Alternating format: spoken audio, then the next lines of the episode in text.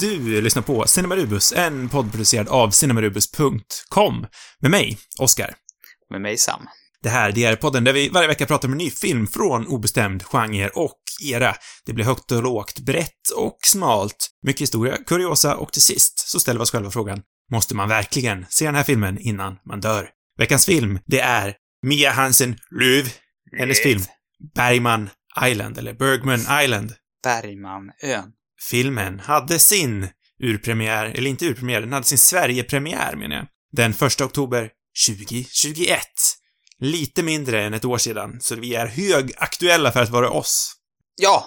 Alltså det är en Ja. ny film. Ja. Ja, ja nu, mitt eh, huvud... Eh, jag, för typ fyra sekunder sedan så var jag bara, oj, jag är så jävla taggad idag. Det ska vara intensivt, full energi och sen hade jag redan, vet du, trasslat tankarna bort. Långt, aj, långt bort. aj, aj. Nej, men så här aktuella var det länge sedan vi var. 2021. Men Sam, jag tänker också att det här, det blir eh, ditt uppdrag, eftersom det är ditt val av film, att förklara vad den handlar om. Do you think you can't create a great body of work and raise a family at the same time?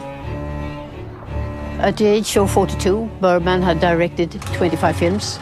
How do you think he would have done that if he was also changing diapers? Mycket gärna, det gör jag. Eh, det här är eh, en film om eh, ett filmregissörspar eh, som spelas av eh, Vicky Krieps. Eh, känd från The Phantom Thread, kanske, framförallt. Eh, luxemburgisk skådespelerska. Och eh, den, den fantastiske eh, Tim Roth också. En Jag vill riktig bara hoppa in här, jätte, jättesnabbt. Ja, var det mitt uttal av Vicky Nej, nej, nej. Krieps? Jag fick reda idag på att det heter Vicky Krips enligt IMDB, is a Luxemburgish. Mhm. Jag tyckte det var väldigt roligt. Jag hade aldrig hört att man sa Luxemburgish. Det var det enda jag ville säga. Tack. Tim Roth, han äger. Det var, det var bara det. Så det var, jag trodde Ja. du skulle rätta mig med ett sånt luxemburgiskt eh, uttal. Men det, det Nej, var nej, nej. Jag, jag, jag hade bara aldrig hört Luxemburgish. Jag har typ alltid trott att hon var holländsk. Så bara, det är hon Ja. inte. För jag tycker Nej. att det namnet låter lite holländskt. Gör inte det? Mm. Hon Jo, känns faktiskt. lite holländsk också, tycker jag. Det har du rätt i. Hon har en väldigt holländsk aura. Mm. Fan. Förlåt. Tim Roth Ja. är bra. Tim Roth, han är bra. Vad är han känd från? Pulp Fiction, kanske? Ja, Eh, han är ju högaktuell i, eh, i Marvel-serien She-Hulk nu på Disney+. Nej, är han med där? Tim Roth, han är ju en, nästan till en OG Marvel Cinematic Universe-skådespelare eftersom han var med i den andra filmen, The Incredible Hulk, år 2008. Ah, oh. Det var som jag såg nu eh, om folks besvikenhet när de såg att, att Wall-E skulle bli på, gå på, komma på Criterion Collection. Varför är folk besvikna över det? De tyckte det var Disney-trash. Jag har faktiskt aldrig sett Wall-E, det är säkert en, en underbar film. Men eh, det var Wall-E's mycket, första akt är grym. det var mycket roliga bilder med Avengers och annat Disney-skit som finns där ute. Men jag tycker Pixar och eh, Disney bör ändå separeras från varandra. Vad fan, gammal Disney hade väl också varit grymt att se på en Criterion?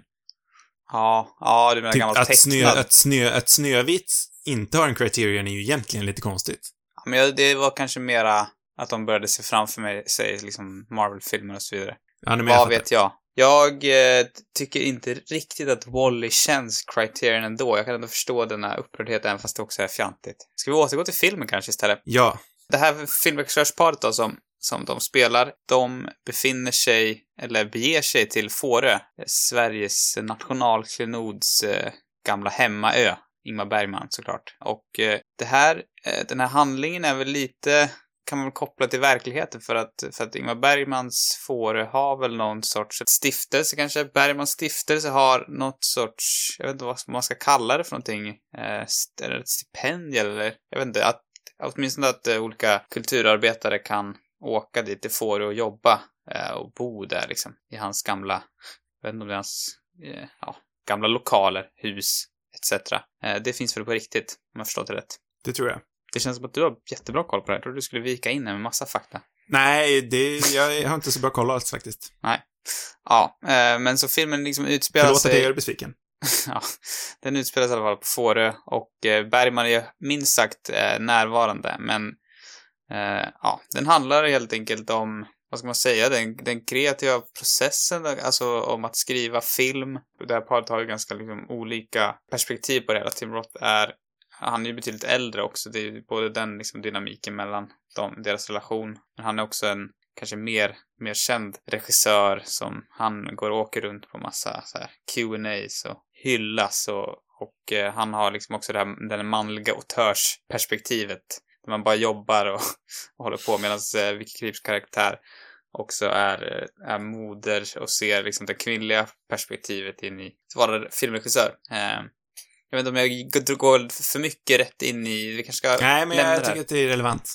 Det är där det handlar om. Och sen så eh, finns det också en parallell handling i den här filmen som jag tycker ändå vi kan liksom introducera utan att det blir en spoiler. Eh, som bygger på, Absolut. det är egentligen att eh, Creeps karaktär berättar en premiss för en film här och då, och då får man då följa den liksom på riktigt och, och i, de, i denna film, eh, inom filmen. det är väldigt, det är en väldigt metafilm där, generellt, måste man Mm. säga.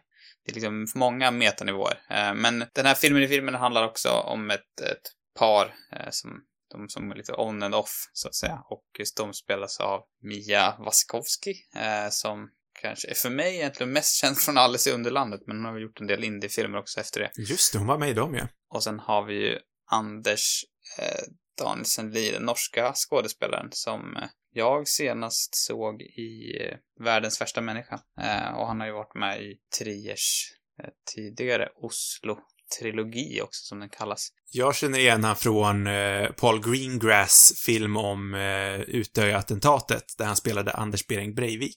Ja, just det, det är han som spelar Breivik, ja. Ja, en eh, duglig film på Netflix.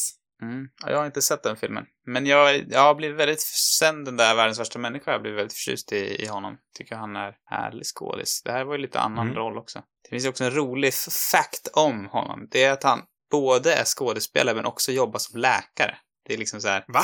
vet inte, vad, ska man tycka om det liksom? Det är galet ändå. Det känns som en, nu verkar han ha en, en eh, begynnande och säkerligen framgångsrik karriär och han har gjort väldigt mycket film också, men nu verkar han ju slagit igenom internationellt. Men det känns som i Sverige och säkert också Norge och Danmark så är ju många skådespelare någonting annat vid sidan om. Ja. För att dra en kanske lite väl lång parallell så är ju till exempel, eh, vad heter Henrik Dorsins fru? Hanna Dorsin? Nej, Mm. Hanna Dorsin.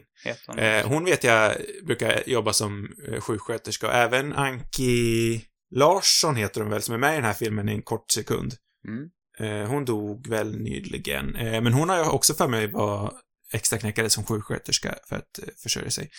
Eh, Den här bilden vi har av att filmarbetare liksom är stormrika, så är det ju inte riktigt i Norden. Nej, så är det absolut inte. Men det var någonting, det, det är också när man så här, det, det finns ju olika jobb. Så här, läkare tänker man här, någon som jobbar så här svinmycket, typ. Hur har han tid att skådespela också? Det är som att man blir nästan provocerad, typ. Har du valt det där jävla gigget så här, så kan du ändå ha tid att bli skådespelare liksom också. Mm. Men jag tror nej, att det... han har, har han inte Trier att tacka också? Att han var, att Säkerligen. man kände honom tidigt. Ja. Vi lägger all hans framgång på. Nej, det ska vi inte göra. Ja, men nu har vi, nu har vi spårat, spårat ur här kanske lite grann, men eh, det var väl på något sätt själva grundpremissen i alla fall. Om vi ändå ska snöa in här på de inblandade så kanske vi också ska prata lite grann om, om regissören Mia Hansen Löv som låter, hon, det låter som att det är en dansk regissör, vilket det inte riktigt är. Eh, hon är ju fransk, eh, men hon har eh, en dansk far, tror jag. Eller undrar om hennes. Farfar. Jag, jag har gått in på det här, jag, jag gick in på det här på djupet, för jag ville verkligen veta, så jag har släktforskat lite. Var det Eh, hennes mam hennes, hennes eh, mamma är fransk filosof, hennes pappa är tysk, vill jag säga, och hennes farfar är dansk. Mm, mm. Ja, jag trodde att det var hennes pappa som var dansk, men då Nej. Eller ja, hennes pappa är väl, halv. ja, halvdansk då, men det är Ja. hennes farfar som är dansken. Det är därifrån namnet kommer, i alla fall. Precis. Hon är ju 41 bara, men hon har gjort rätt många filmer ändå. Mm. Sen hon eh, började. Eh, och, men liksom lite så här låg, eh, inte som kanske har fått så mycket uppmärksamhet. Hon känns ju ganska, eh, liksom, i samma generation som, eh, nu har jag helt tappat namnet på henne, den andra franska mästerregissören. Céline Sciamma. Ja, exakt. De känns ju väldigt i liknande generationer då. Eh, De har jobbat ungefär under samma period. Jag vet inte hur många filmer Hansen Löv har gjort. Hon har tio, nej okej, åtta långfilmer ändå. det är ändå ganska bra jobbat. Hon har ju Mm, jobbat rätt in- intensivt också. Och, eh, men hon har väl ändå varit liksom ganska hyllad. Eh, gjort filmer, till exempel den här eh, Things to Come, eh, som är lite på engelska, med Isabelle Huppert. Mm. Men det, inget har ju liksom varit en så här uh, stor uh, internationell succé och det, den här är väl inte heller liksom någon superhit även om den har fått en hel del fin kritik och var nominerad på Cannes. Eller okej, den var inom uncertain regard kanske. Ja, men ändå, den har ju fått kanske... Jag vet inte om det känns så extra mycket i Sverige också eftersom det är just en Bergman-centrerad film. Mm. Eh, och det är ju dessutom också en svensk, en samproduktion. Det är ju en samproduktion deluxe det här. Den är ju både fransk, belgisk, tysk och svensk. Det är sån här härlig blandning av mycket. Det känns ju i filmen också. Det känns så jävla mysigt tycker jag, hela den här Mm.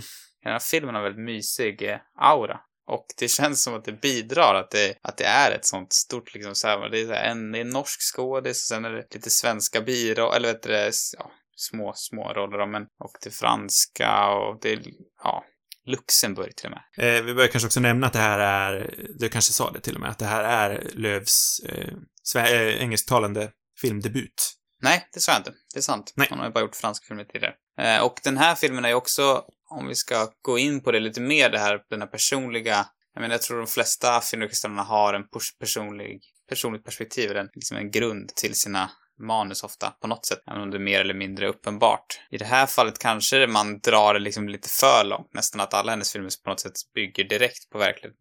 Det, det tror jag inte att de gör, utan men jag tror den här filmen handlar lite grann om, om just det, för att Mia Hansen-Löf var själv eh, tillsammans med den franska regissören Olivier Assayas, tror jag man säger, eh, som eh, är betydligt äldre och vad är han mest känd för egentligen? Jag tänker på den här Irma, Irma Vepp. Vet vilken det är? Som Eh, är på en ja. tv-serie på nu. Precis. Jag, jag kan ärligt säga det att han är mer ett namn jag känner igen mer än, än Ja. har koll på. Han känns som han är stor i Frankrike. Han har gjort, den där Vepp är väl lite av en kultfilm liksom. Ja, är det inte någon slags kontrovers kring att de blev ihop när hon var ganska ung och han var ganska mycket äldre också, eller har jag inbillat med det? Det kan nog stämma. Jag vet att hon har en annan film som handlar, eller som verkar handla lite om ett förhållande mellan en ganska ung eh, tjej och en äldre man. Så att det, det är högst möjligt. Hon började Ja. som skådespelerska också. Eh, det var väl så hon startade och sen så valde hon att gå mer regissörsvägen. Ja, och dessutom så har jag varit, hon har ju recenserat åt eh, den internationellt hyllade och eh, välsedda filmtidskriften Cachir du Cinéma. Ja, där Godard och hela franska nya vågen-gänget var aktiva. Ja, super, superkredit. Hon har ju som sagt hunnit med väldigt mycket. Eh, Jag har skrivit i mina anteckningar att den här filmen är en, en löst biografisk film om en kvinna som skriver en löst biografisk film. Ja, ja, men det, det, det är ändå en bra förklaring tycker jag. Och- det är där det blir intressant också. Man, man tänker ju in, när man liksom börjar läsa om henne och hennes relation till Olivier så börjar man tänka så här, ja, ah, de har säkert varit där på, på Fårö och upplevt det här mer eller mindre exakt. Men Mm. när man börjar rota lite mer så, så förstår man att, att de två aldrig varit där tillsammans. Hon har varit där själv och skrivit, men, men de har inte varit där tillsammans. Och eh, det är liksom, man tar och plockar från det personliga och, och blandar och, och hela den här liksom, ja men hela den här kreativa processen tror jag. Och det utlämnandet som det också är, att, att vara både, för hon är ju både manusförfattare och regissör till, jag tror alla hennes filmer. Det är så det, det, den här filmen handlar ju väldigt mycket om det och, och, och eh, det är intressant tycker jag att, att följa det. Nej, men i författarvärlden så är ju liksom write what you know ett eh, kanske lite klyschigt begrepp, men det är också ett sant begrepp. Sen kan Mm. man ju ta det till sin spets och man kan eh, bara ta tillvara på det lite löst. Hansen Löv tar ju kanske varit på det lite mer hårdstruket än andra. Eh, men det gör ingenting. Eh, det gjorde ju även Bergman, så där finns det ju eh, en liten koppling kan man väl säga, mer på en metanivå som du också nämnde lite innan. Mm. Jag skulle vilja, om jag får byta ämne, eller har du någonting mer att säga? Nej, vi kan säkert glida in mer på det här framöver också. Eh, för jag skulle vilja prata lite om det här med Bergman-fetischism. Ja, gärna. Jag var, jag var ju livrädd för det när jag, när jag slog på den här filmen och jag var även livrädd för det under filmens gång. Men ju längre filmen går så känner jag att den kanske inte är så Bergman-fetischistisk som jag först trodde. Det är roligt att du nämner det, för när jag första gången hörde om talas om den här filmen så kände jag bara, nej. Ja. Bergman Island, fy fan. Och sen såg jag den där trailern och då känns det som något helt annat. Den har, det är väldigt så här, atmosfärisk. ett mysig, liksom, man blir otroligt sugen på att åka till Fårö och Mm. det, det är ju något helt annat än vad jag först trodde liksom. Jag tror varken du eller jag liksom är Bergman-hatare.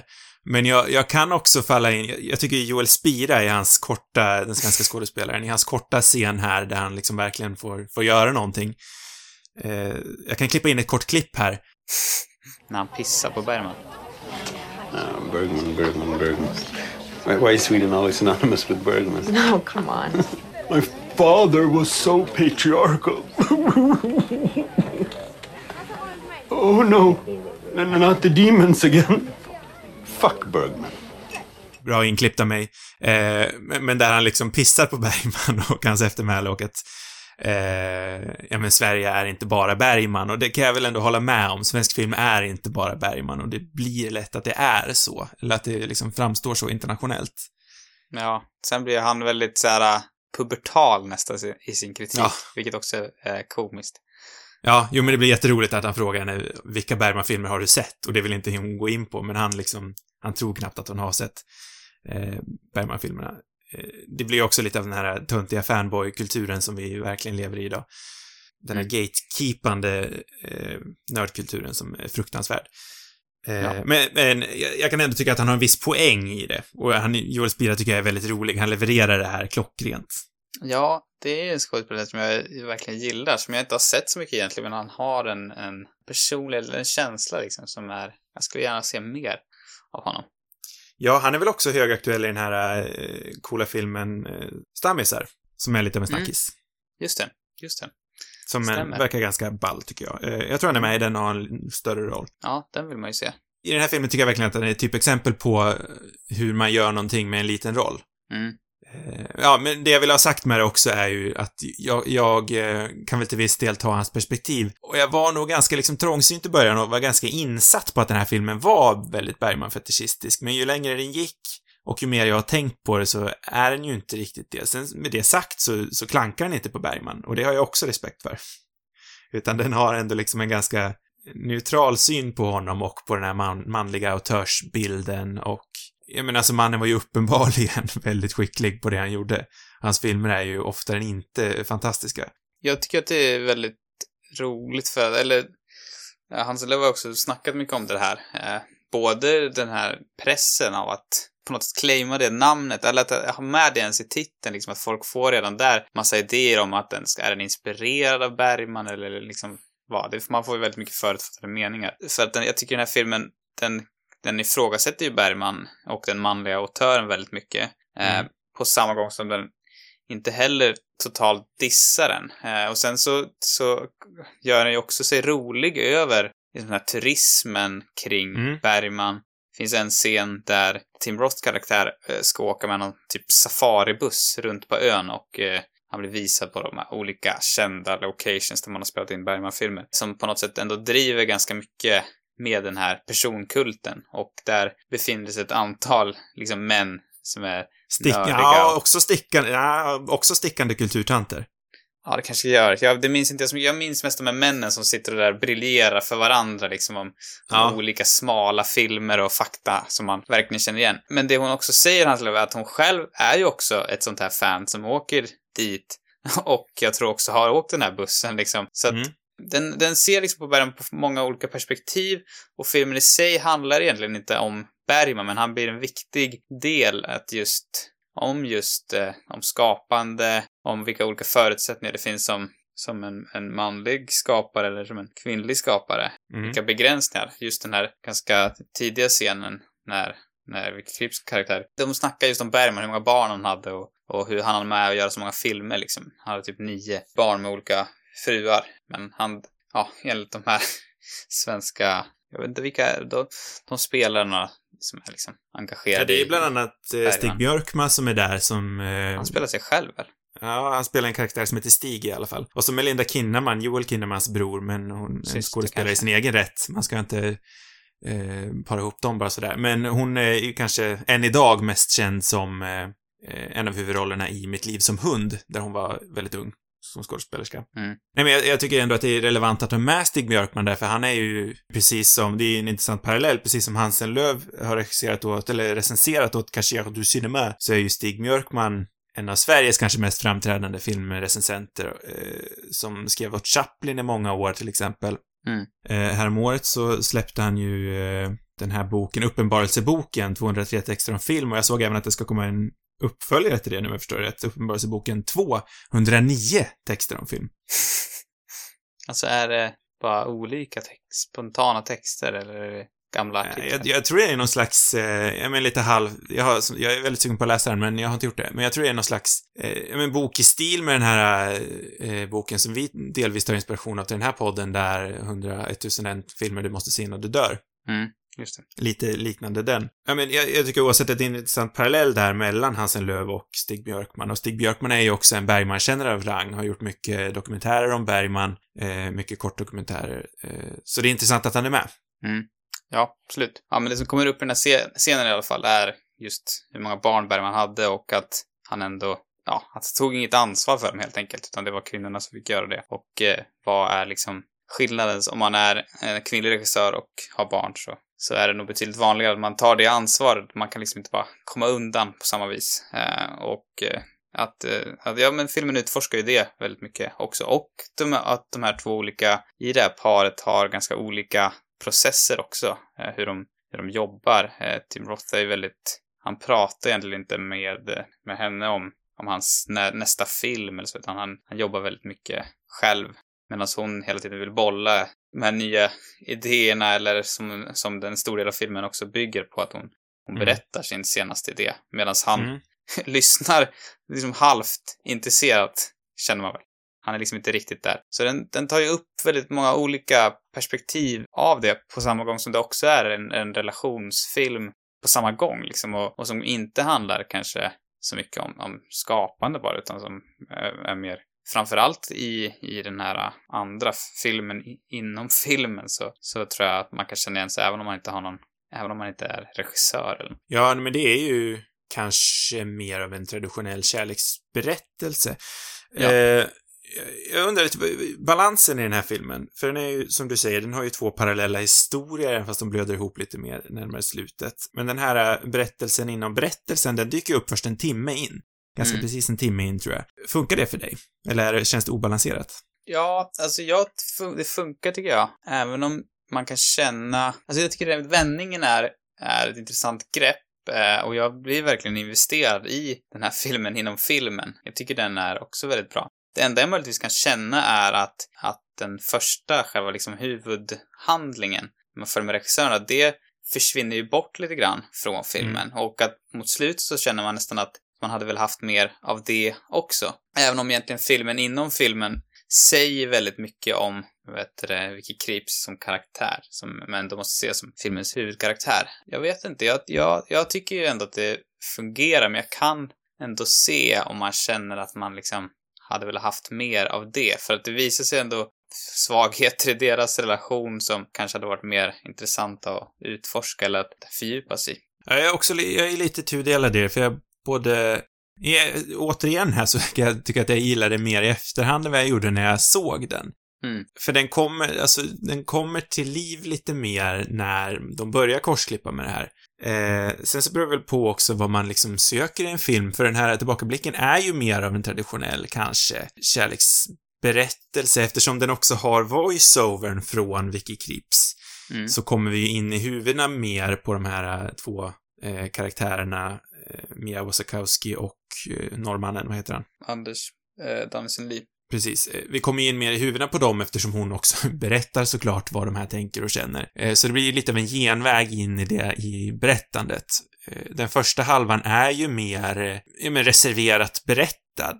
Det är väldigt mycket men det är en tyst film, det är en tillbakadragen film, den tar sin tid, men man får känna av mer Alltså man får jobba mer själv av att, eh, med att eh, tänka på vad de här karaktärerna känner än vad filmen berättar vad de känner, om du förstår vad jag menar. Kanske lite flummigt uttryckt. Ja, precis. Eh, sen, den, jag tycker den också visar ju väldigt mycket, inte kanske genom ord så mycket, men, men bara i som kroppsspråk och så, Mm. vad, vad bristerna på något sätt i det här förhållandet är. Och, Mm. och den tar ju ganska mycket eh, upp, eller det känns som att det finns det, det är någonting inom Vicky Krips karaktär som, som ändå söker det här kanske ungdomliga, mer livliga, alltså någonting som man känner ganska tydligt att hon saknar Mm. sin relation med den här lite äldre mannen. Att, att det finns en del av henne som, som kanske vill leva lite mer och, och som, som saknar den delen. Och det tycker jag ändå tydligt, både i den första delen visas genom att hon hänger med en, en yngre kille liksom runt ön, men det förstärks även i den här filmen inom filmen, där hon ytterligare liksom får uttryck för de känslorna. Ehm, Mm. jag tycker det är väldigt intressant hur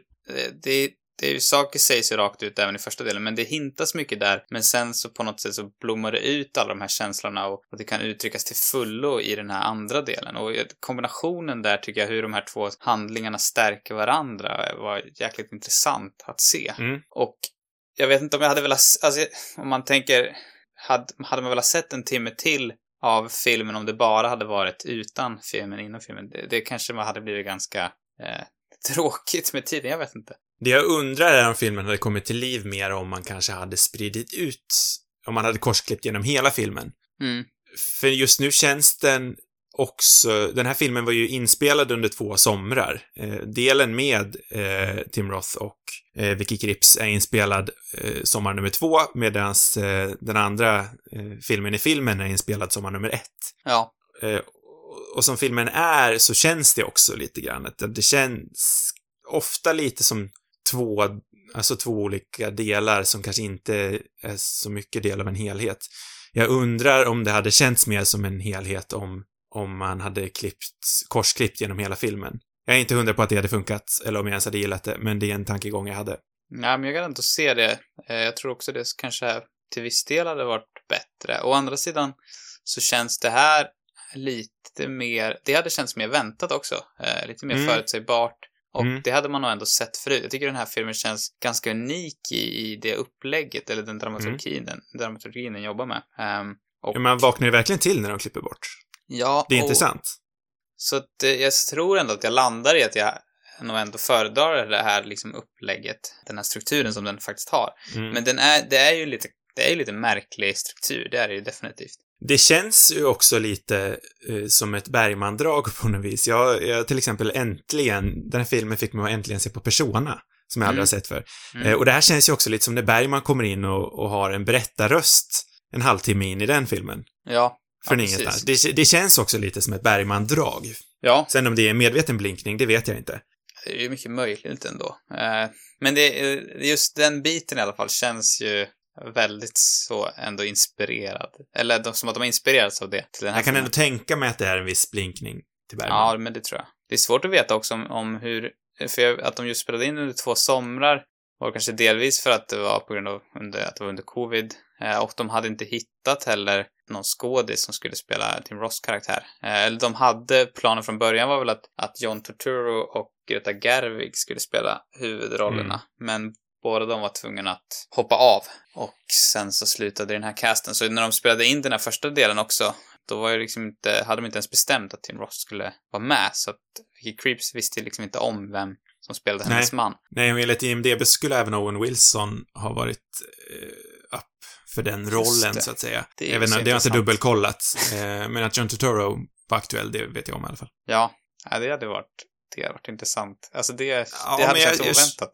Ja, jag, jag, just John Turturro vet jag inte om jag... Han, alltså han är toppen, det hade säkert funkat. Men jag gillar verkligen Vicky Kripps och eh, Tim Roth i den här filmen. Jag tycker verkligen att de har någonting som förkroppsligar just den här dynamiken också. Ja, men definitivt. Nej, jag tänkte mer på Owen Wilson hade varit märkligt, tror jag.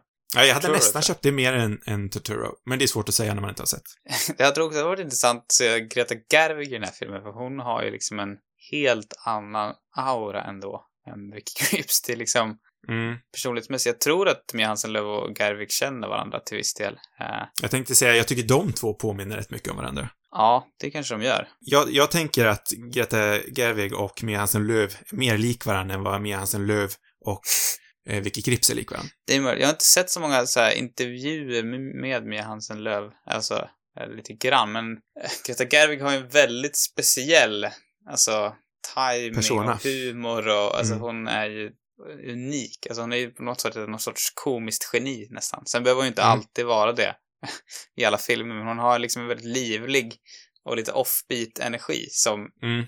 hon kanske inte hade haft, haft i den här filmen. Jag såg, det fanns ett väldigt roligt eh, klipp när, när hon, eh, när Greta Gerwig diskuterade om att eh, hon och Noah Baumbach, hennes regisserande man, de var på fåret tillsammans. Eh, vilket jag tror också kan ha väckt den här idén hos Hansen Löv, någon hörde om det. Men de hade i alla fall varit där inne i Bergmans hus och han har ju det här, eller han har ett rum, liksom, ett bibliotek med alla filmer och eh, en, typ en skön fåtölj i mitten av rummet och en liten TV. Och man massa VHS-filmer. massa gamla VHS-filmer och, och de var så nyfikna att se liksom vad, vad har Bergman för, för filmer liksom där. Det är ju säkert bara massa så här liksom fin, fin filmer. Eh, men de var så glada när de typ hittade, vad var det, Snuten i Hollywood eller någonting. Mm. Liksom. Det fanns allt möjligt där och de blev glada över idén att, att även Bergman kollade liksom på den typen av, av film. Det tyckte jag var en, Ja. en rolig anekdot. Jo men verkligen, Bergman hade ju massa sådana där filmer. Det fanns ju någon serie på SVT för, jag kommer inte ihåg vad den hette, eh, men det fanns ju någon serie där de bjöd in eh, massa kända regissörer eh, till att besöka Bergmans hus. Mm. Mm. Bland annat, nu står det helt stilla, vad heter han som gjorde Birdman? Inarito. Ja, precis. Inarito var där om jag minns rätt.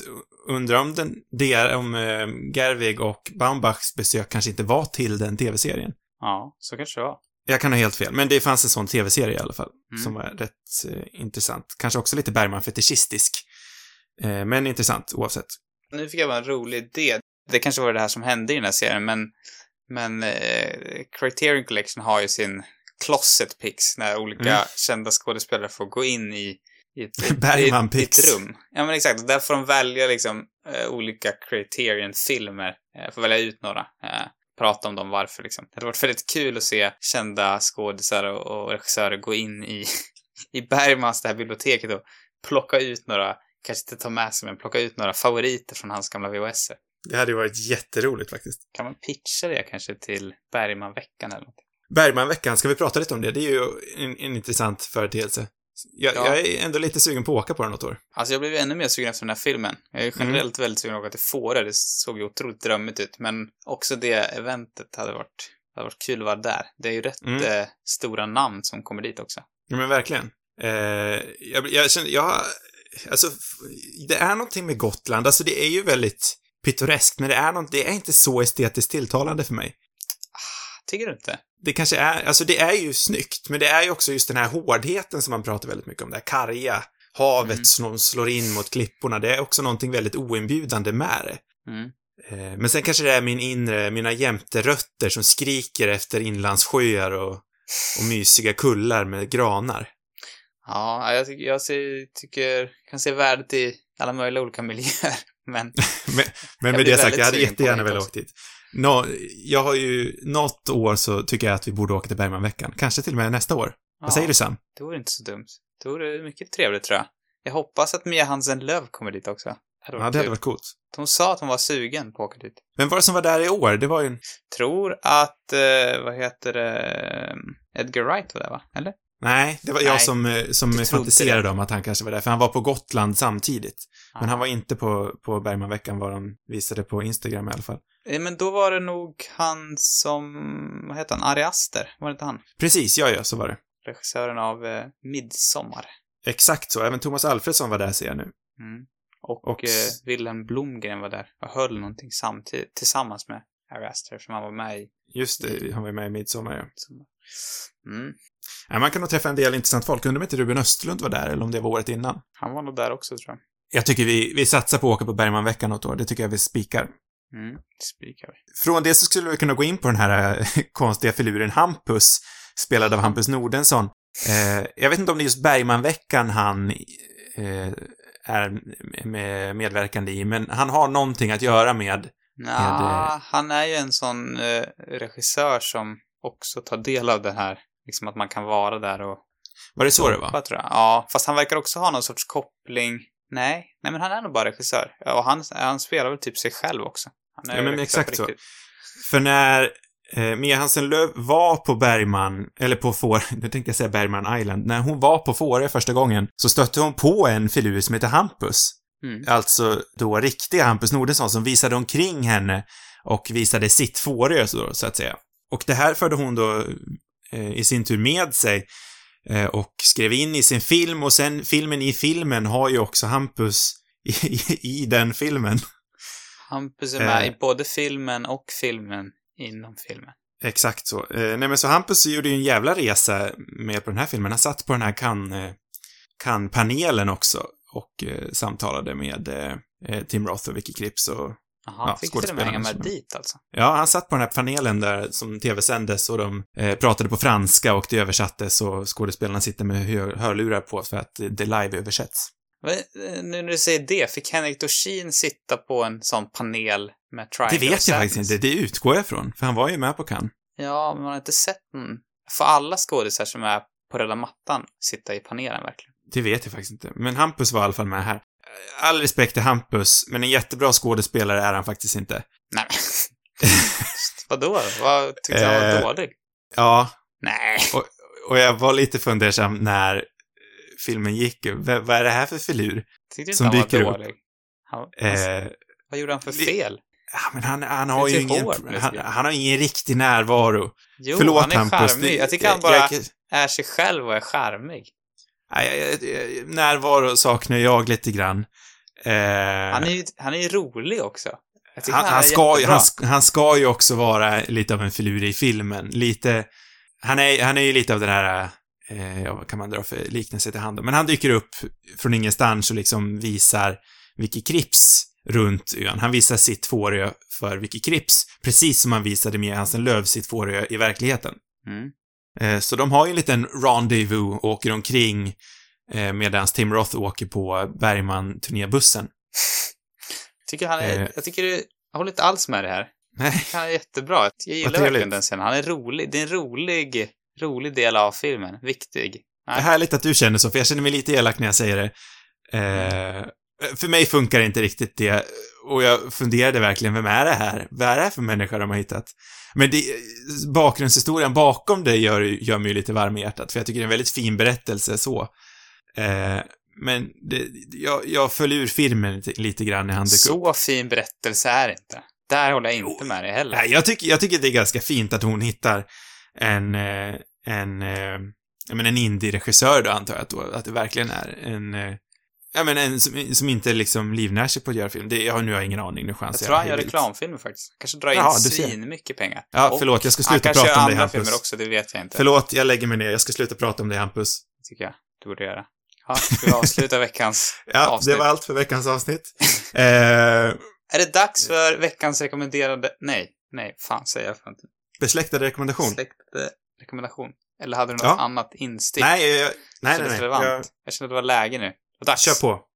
Hårdklipp till veckans besläktade rekommendation. Min veckans eh, rekommendation, eller besläktad rekommendation, får bli inspirerad av Anders Danielsen Lee. Nej, det vart lite danskt istället. Men, men det är såklart världens värsta människa, som jag tänker att jag har pratat om i, ja, en massa. Men sen så jag inser jag att vi har nog inte gjort så mycket poddar sen jag såg den filmen, så att jag har förhoppningsvis inte babblat en massa om den. Det Men tror jag inte att du har. men det är en otrolig film tycker jag. Väldigt bra norsk rulle av eh, Trier. Och inte Lars von Trier, utan vad heter han mer än Trier? Joakim. Också del i någon sorts Oslo-trilogi. Jag har inte sett Mm. de två föregående filmerna i den tyvärr, men, nej, men det, det, är en, eh, det är bland det bästa jag har sett på länge. Som fick mig så här verkligen känna någonting. Jag skäms ju lite över att jag har nobbat våra grannars senaste två eh, stora genomslag. Jag har ju varken sett en runda till eller världens värsta människa. Aj, och det aj, skäms jag aj. lite för. Runda till är också kul, men inte lika bra. Eh, nej men så, kanske är det den här filmen, eller din rekommendation, som verkligen får mig att slå till på saken och kolla på den. Du får ta tag i det.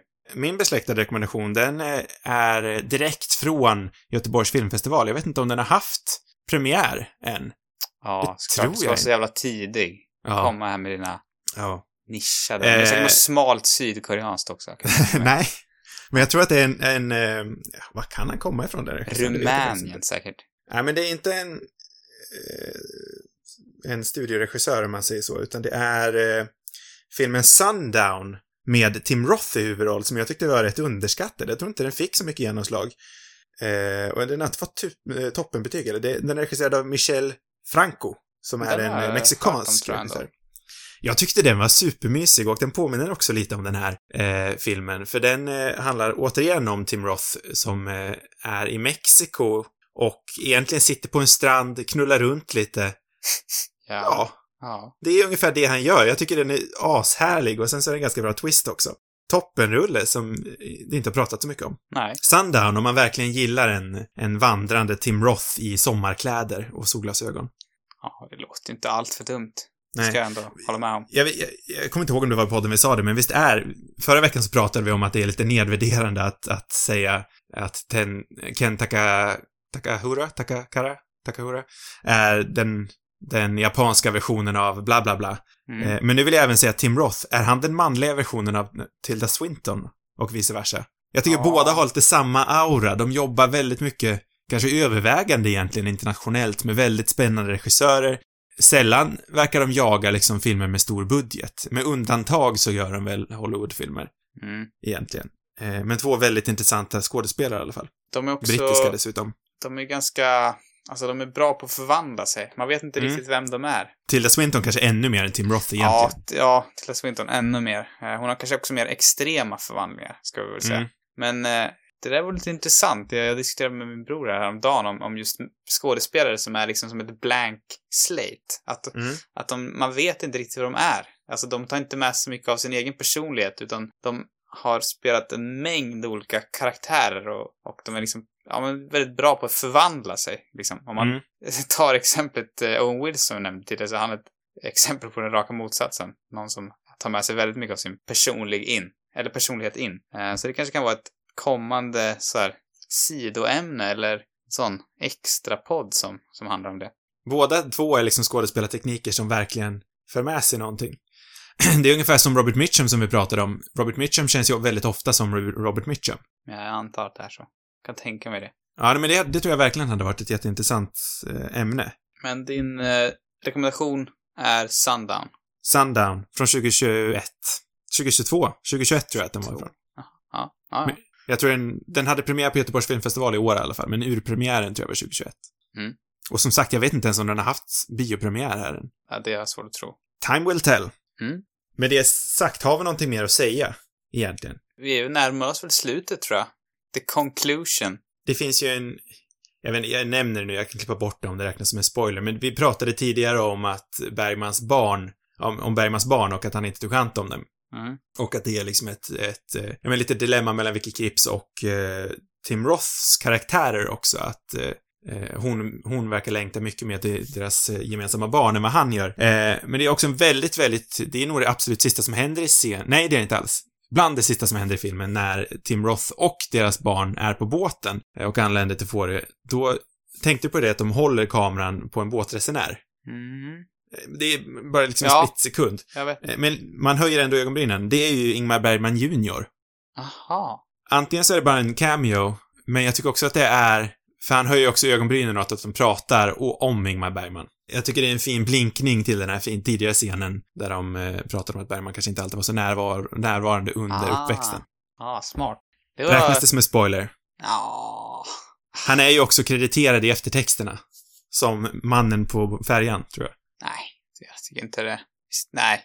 Jag tycker det är mycket som är flytande kring den här filmen och det finns vissa saker som, kanske hela den här andra filmen inom, inom film kanske också är en. Det hade varit intressant att se, nu vet man ju det om man har sett trailern, att, eller man fattar att det är någon sorts parallell handling. Jag tror till och med att man fattar att det är en film. Ja, jag kommer inte ihåg men det hade varit intressant att se filmen och inte veta någonting innan. Då kanske man hade Men- blivit mer frustrerad också, jag vet inte. Jag glömde ju bort, jag glömde helt bort att Mia Wasikowski skulle vara med i den här filmen. Mm. Så jag blev liksom glatt överraskad att just det, hon är ju fan med också. Riktigt bra hon också tycker jag. Alltså, jag tycker hon och Anders Lee hade också väldigt bra kemi. Väldigt bra Eh, kemi. Och det är också en så här, vi snackade lite om att det var en mer traditionell romantisk story, men den, eh, så traditionell är den ändå inte tycker jag, på något vis. Jag tycker att den har något mer. Ja, men den är kanske mer traditionell i berättandet, men just själva romansen i sig är ju inte jätte... Eh, Nej, liksom traditionell. Väldigt intressant tycker jag. Och absolut när man kopplar det till resten av filmen. Jag gillar verkligen den storyn. Den griper verkligen tag om mig och väldigt snabbt dessutom. Mm. Jag tycker den, eh, den delen är fantastisk. Va, vad tycker vi liksom överlag om den här filmen som lite avslutande ord? Alltså jag är helt såld på den om jag ska vara ärlig. Jag, jag tycker verkligen om den. Jag tyckte den var riktigt bra. Jag hade ganska goda förhoppningar, men det känns också som en ganska lågmäld film och eh, ja, men som jag beskrev tidigare, mitt första intryck var så här, och jag var inte alls men sen så byggde jag ändå upp någon sorts känsla. Den har den här också den här väldigt somriga, härliga atmosfären. Och bara av den anledningen kan man njuta av det. Men jag tyckte strukturen och berättandet och, och och liksom bara själva dramat grepp grep tag om en. Så jag, jag tyckte verkligen det här var en jag skulle verkligen rekommendera den. Eh, som jag antytt två, två gånger till tidigare i det här avsnittet så... Jag gillade den här filmen när jag kollade på den, men den har verkligen stannat med mig. Jag har tänkt mycket på den här filmen. Mm. Och det tyder på någonting. Uh, jag, jag, tror jag, jag, tror jag kom in lite övertänkande. jag ville nog vara lite kritisk till att den var Bergman-fetischistisk till exempel, och den öppnar ju också väldigt mycket till det med titeln som vi var inne på lite tidigare. Uh, men den är väldigt stark och den har mycket att komma med, den har mycket tematik. Jag, ja, den har verkligen inte, jag, jag har liksom inte helt processat den än känner jag. Och tänker fortfarande på den. Men ja, jag, nu i efterhand så gillar jag den verkligen också. Jag vill se den igen. Jag tycker det är roligt det här med Bergman också för att jag känner att så här, ju längre tiden går desto mer glömmer jag nästan bort att Bergman alltså, är med i filmen. Förstår du mm. vad jag mm. menar för någonting? Alltså, mm. Ja, jag fattar helt det är klart att det spelar en del i, i själva berättandet, men, men eh, ganska, inte så relevant. Alltså det andra tar över så mycket och det, mm. ja. Ja, nej. Med det sagt vet jag inte om jag tycker att man behöver se den här filmen innan man dör. Ibland undrar jag varför jag har den där frågan för. Ja, det, det känns så dumt. inte jag heller. Jag tycker för vi kan släppa min, den. Det var min idé också, tror jag. Det var din idé från början. Men det var för att jag ville ha någonting, det, lä, det låter liksom såhär, måste verkligen se den här ja. innan. Det är någonting så här. Det har något. Det, det har det verkligen. Ja. Men jag, jag vet inte, varenda gång man nås kommer dit så, så känns det krystat på något sätt. För det är få filmer man måste se när man dör. Ja, men jag, jag, jag den, den, här veckan ska jag chocka, så jag tycker man måste se den här filmen innan man dör. Jag tycker den här, wow. Wow. Den, den känns, oh, var det ett Owen Wilson wow? Där. Ja, ja, bra. Jag ja, trodde inte det fastnade. Wow. Jo, jo då. Wow. wow. Nej, men jag tycker den här är underskattad. Det, det, den har fått sina, folk har väl prisat den vissa, men den är den går under radarn, tror jag. Jag tror att de kanske valde en olämplig titel ändå. Även om de tänker att de ska liksom få in Bergman-cineasterna, men... Nej, jag håller med dig. Jag, tycker, jag tror också att titeln skadar mer. Att den hämmar. Ja, jag tror det.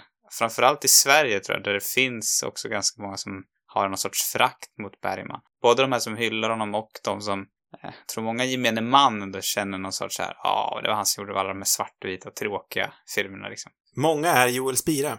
Respekten för Bergman är ju mycket större utomlands än vad den är i Sverige. Vi svenskar Verkligen. har liksom lite svårt med det. Ja, men jag tror också att många liksom Bergman-purister också kan gå in i det här och tänka att, ja men hur, hur vågar ni?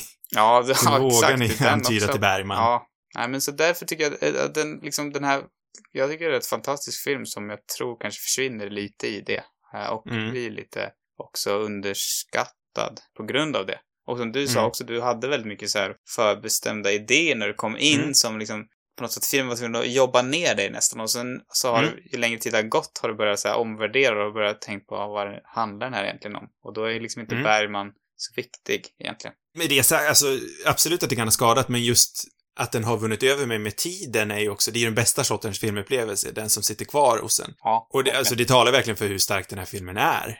Mm. Nej, väldigt bra film. Se den innan du dör, för all del. Nästa vecka, då har jag faktiskt inte riktigt eh, bestämt film. Jag tänker att du kan få, jag ger dig ett val. Mm. Jag tycker, det är en grej jag har tänkt på ganska länge. Jag har nog aldrig riktigt lagt det på förslag, men kanske att det kan hämma oss lite. Det är nog därför att jag inte har, därför jag inte har lagt det på förslag.